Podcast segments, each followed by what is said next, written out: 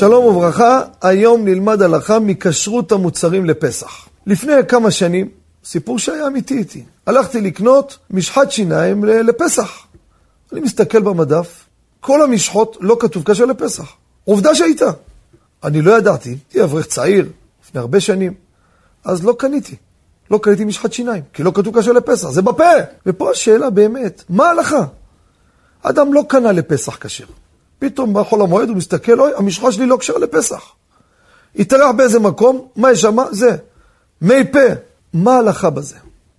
מי ששמע באחד הפינות שהבאתי, חמץ אפילו שהוא בתערובת, כמו הדיו של הסופרים, שהוא לא מתכוון לאכילה, אפילו אם היא בלה, יכול להיות שהיא בלה, שמצצח שיניים, יכול להיות להישאר טיפה אפילו אחרי השטיפה, ואני אחר כך בולע אותו.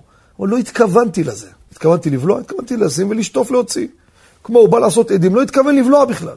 ואומר פה שולחן ערוך פוסק, מותר הדבר לכתחילה. לכן הלכה למעשה, כל המשחות שיניים. עכשיו, זה לא משנה בטעמים או לא בטעמים, שכאילו רצו לחלק. אותם פוסקים שהתירו, על מה דיברו? איזה משחת שיניים? מנטה? מנטה זה לא טעמים? מנטה זה טעם. אנשים אוהבים מנטה, בטח שאוהבים.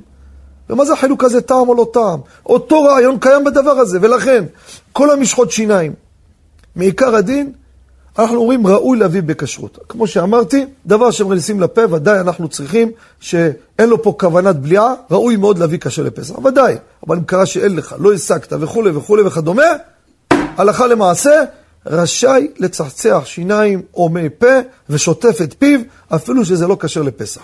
שיהיה לכולם פסח כשר ושמח.